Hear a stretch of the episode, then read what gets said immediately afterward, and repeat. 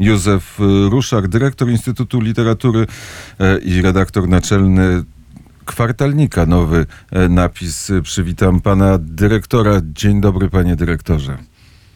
Dzień dobry wszystkim słuchaczom, dzień dobry kolegom.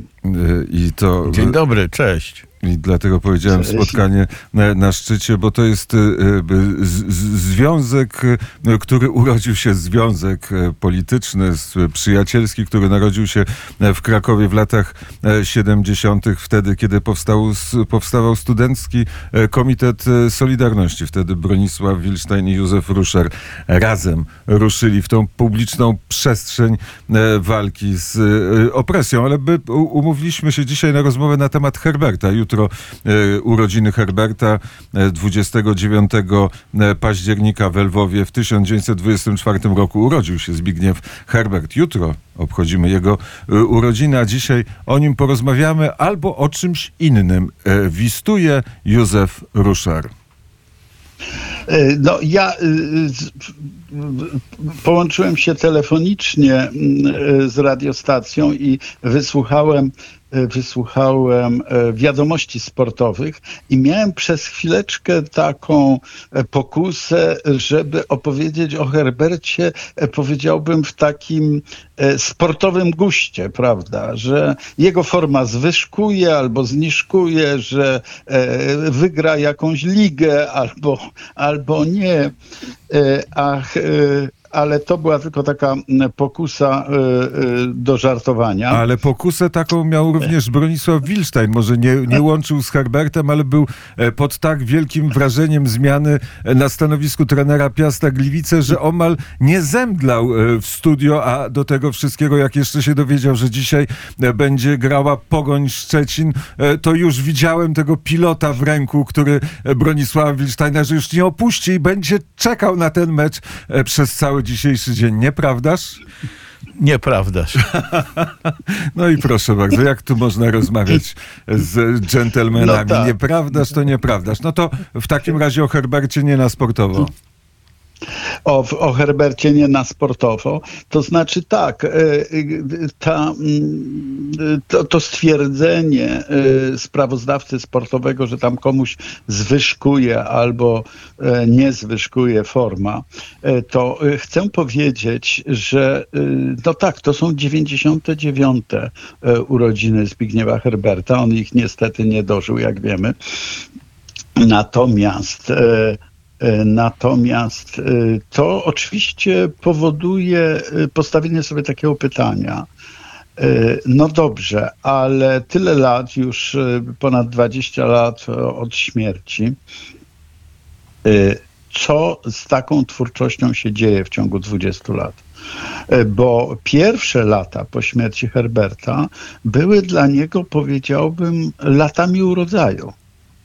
E, okazało się, że w archiwum Herberta jest tyle niewydanych rzeczy, e, że przez następne 10 lat to muszę powiedzieć, że nawet napisałem taki artykuł zatytułowany A Herbert pisze wciąż jeszcze. E, natomiast, no oczywiście, te zasoby archiwalne się wykończyły.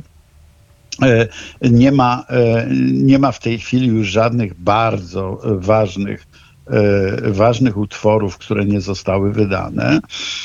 Natomiast jest inna, inna sytuacja. Ja się bardzo martwię o spuściznę Herberta w tym sensie, że kto będzie go mógł czytać ze zrozumieniem. E, doszło do tak zasadniczej zmiany cywilizacyjnej czy kulturowej e, w całej Europie i dotyczy to także Polski, że spora część e, literatury właśnie takiej troszkę dawniejszej, ale nie jakiejś wyjątkowo dawnej, tylko takiej pisanej, nie wiem, 50 lat temu, 40 lat temu, 60 e, lat temu, że spora część tej e, spuścizny zaczyna być dla młodego pokolenia niezrozumiała, że kompetencje lekturowe dzisiejsze e, no, uniemożliwiają w korzystanie w pełni z tego, co, e, co na przykład Herbert pisał, przy czym zaznaczam, że nie dotyczy to oczywiście tylko Herberta. Zaraz o tej e, pełni, e, pełni porozmawiamy, ale ponieważ Bronisław Wilstein za chwilę opuści studio Radia Wnet, to Bronisława Wilsteina zapytam o Zbigniewa Herberta i pytam. No to, to, to jest pytanie trochę szerokie. Trochę. Cóż mam powiedzieć o jednym z najwybitniejszych poetów polskich, w, tam w ciągu minuty. E, Zresztą Józef Ruszar jest zdecydowanie bardziej kompetentny w tej mierze, to nawet jest za mało powiedziane, to co powiedziałem w tej chwili. A ja jestem po prostu czytelnikiem. To jest dla mnie wielka, wybitna poezja, która stale mi towarzyszyła od kiedy, od kiedy zacząłem czytać w ogóle poezję, czyli od y, końca lat 60. mniej więcej. I yy, zresztą jego osobiście spotkałem parę razy, zrobiłem bardzo dobre wrażenie, no ale to nie była żadna przyjaźń, broń Panie Boże. Natomiast yy, yy, myślę, że, że Józef Ruszar po, powie o, o Herbercie to, co trzeba, tyle, ile się da zmieścić w audycji.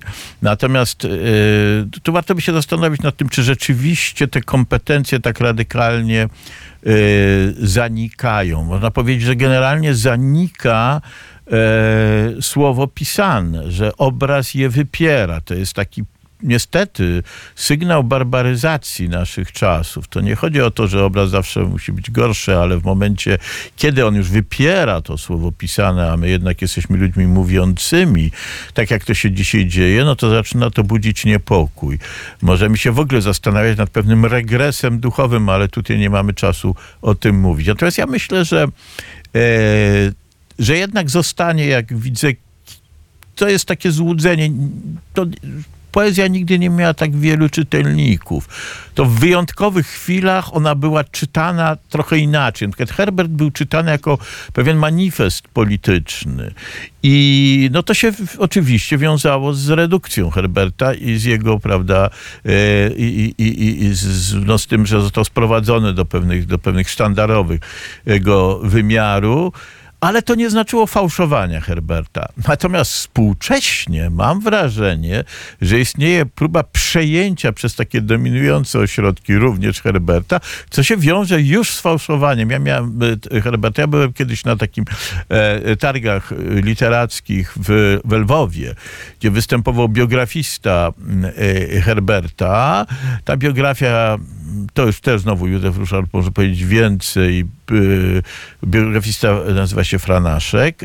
Pozostała do życzenia, ale ta rozmowa, którą tam publicznie prowadzono, która przedstawiała Herberta jako piewcę wielokulturowości, który walczy z polskim nacjonalizmem, no budziła moje, no powiedzieć, wątpliwości, to jest mało powiedziane, bo to oczywiście jasne, że Herbert był przeciwko prymitywnemu nacjonalizmowi, ale to tam nacjonalizm zaczynał być jakiś w linii prostej z patriotyzmem i tak dalej, i tak dalej. Niestety, ja bardzo muszę przeprosić zarówno uczestników, jak i y, słuchaczy, bo ja już muszę się oddać, co, o czym uprzedzałem, więc z tymi swoimi e, uwagami e, tak, tak średnio pozbieranymi muszę kończyć. Dziękuję bardzo i do usłyszenia. I do zobaczenia. Do zobaczenia. E, Do zobaczenia. A e, przepraszam, Krzysztof, jeżeli już o tym mówimy, jak długo trwa audycja jeszcze? Siedem minut. Jeszcze 7 minut. Dobrze. E, proszę Państwa, tak, to co Bronisław powiedział, e, ja się z tym zgadzam, że e, takie prostackie upolitycznienie tego, co pisał Herbert, jest oczywistym nieporozumieniem. Herbert żył w określonych czasach, to znaczy w komunizmie, i oczywiście, że jego poezja miała także taki wymiar antykomunistyczny. No, miał taki wymiar antykomunistyczny, dlatego że komunizm był antyhumanizmem. W związku z czym ktoś, kto jest humanistą, nie może, nie może, nie jest mu z tym po drodze. To jest jasne. Przez pewien czas oczywiście odbierano jego, zwłaszcza jego poezję, jako sztandar, sztandar antykomunistyczny i że on no, był takim chorążym, chorążym antykomunistycznej opozycji. Tak, taki wymiar tej e, poezji oczywiście też istnieje. E, I e, w związku z tym chciałem przy, przypomnieć czy przywołać taką dyskusję, która się odbyła chyba w 67 albo w 60 tak, chyba w 67 roku na mm, kłodzkiej wiośnie poetyckiej. E, tam byli mm, bardzo zaangażowani młodzi poeci, e, na przykład Kornhauser, Zagajewski i inni, prawda, tak zwana nowa Nowa Fala o, i Stanisław Barańczak i z nimi starł się e, właśnie Herbert. Dlaczego? Dlatego, że Zagajewski z Kornhauserem zaatakowali Herberta, że on jest takim poetą kultury, że on ciągle się odwołuje do jakiejś mitologii albo historii greckiej czy rzymskiej i tak dalej, i tak dalej. A tu trzeba opisywać świat bieżący i walczyć e, o, z tym, co się dzieje e, obecnie. I na co Herbert odpowiedział, że jego nie interesuje pisanie e, wierszy o pierwszym sekretarzu, bo dzisiaj pierwszy sekretarz jest, a jutro pierwszego sekretarza nie będzie, no i co będzie z wierszem, prawda? Wiersz straci, straci aktualność. E, I to była, tak. Tak, słucham. I, to była strategia, i to była strategia Herberta, e, żeby e, pewne zjawiska bieżące, które on obserwował i które e, poetycko chciał wyrazić, żeby ukazywać ich wieczność, ich głębie, powiedziałbym, wieczności. To znaczy, że jeżeli jest na przykład jakaś opresja, to przepraszam bardzo, ale opresja w historii była, jest i będzie. E, jeżeli jest jakiś dyktator, który wszystko jedno nazywa się e, Wies, Władysław Gomułka, czy tam Edward Gierek, czy wszystko jedno, jak on się tam nazywa, już bardzo szybko wszyscy zapomną, zapomną te nazwiska, to nie to jest ważne. Tak samo jak nie jest ważne, żeby był jakiś cesarz Caligula albo inny, e, inny dyktator, który, e, który e, no, występował przeciwko, przeciwko ludziom, prawda? Że pewne zjawiska w historii istnieją. I teraz e, jego patent na to, jego sposób przedstawiania na przykład opresji w życiu społecznym polegał na tym, że on wyciągał na przykład z historii starożytnej, czy e, z mitologii, czy z literatury światowej e, pewne symbole, pewne archetypy jakichś zjawisk i w ten sposób kształtował, kształtował swój utwór. E, taki był jego pomysł na to. I e, jeszcze e, jeden pomysł, po prostu dobrze pisać. E, zajrzyjmy na chwilę. Patrzę, jest godzina 9.27. E, Mamy trzy minuty. O Herbercie będziemy dużo jutro e, mówili w programie Kalejdoskop Kulturalny. Urodziny Herberta zobowiązują, a pochwalmy trochę kwartalnik nowy napis. Te kwartalniki przychodzą do naszego studia przy krakowskim przedmieściu. Ciekawe eseje, właściwie takie próba obejrzenia czy innego spojrzenia na literaturę polską w XX wieku. Na czym ta inność polega? O, ta inność, na czym ona polega? Ona polega na pewnym, e, powiedziałbym, e, pewnej niepewności.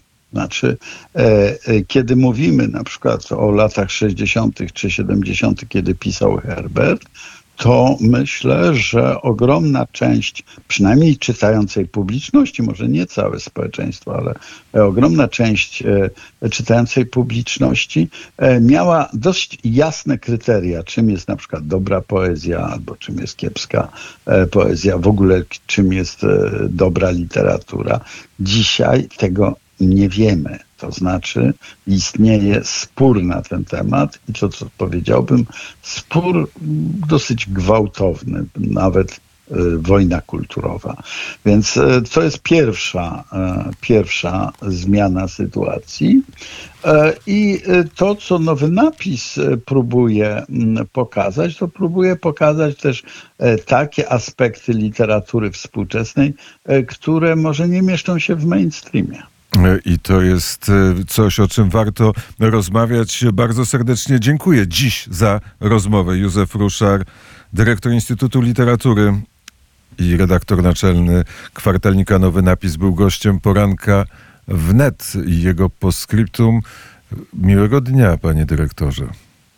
Wszystkiego dobrego. Dziękuję bardzo.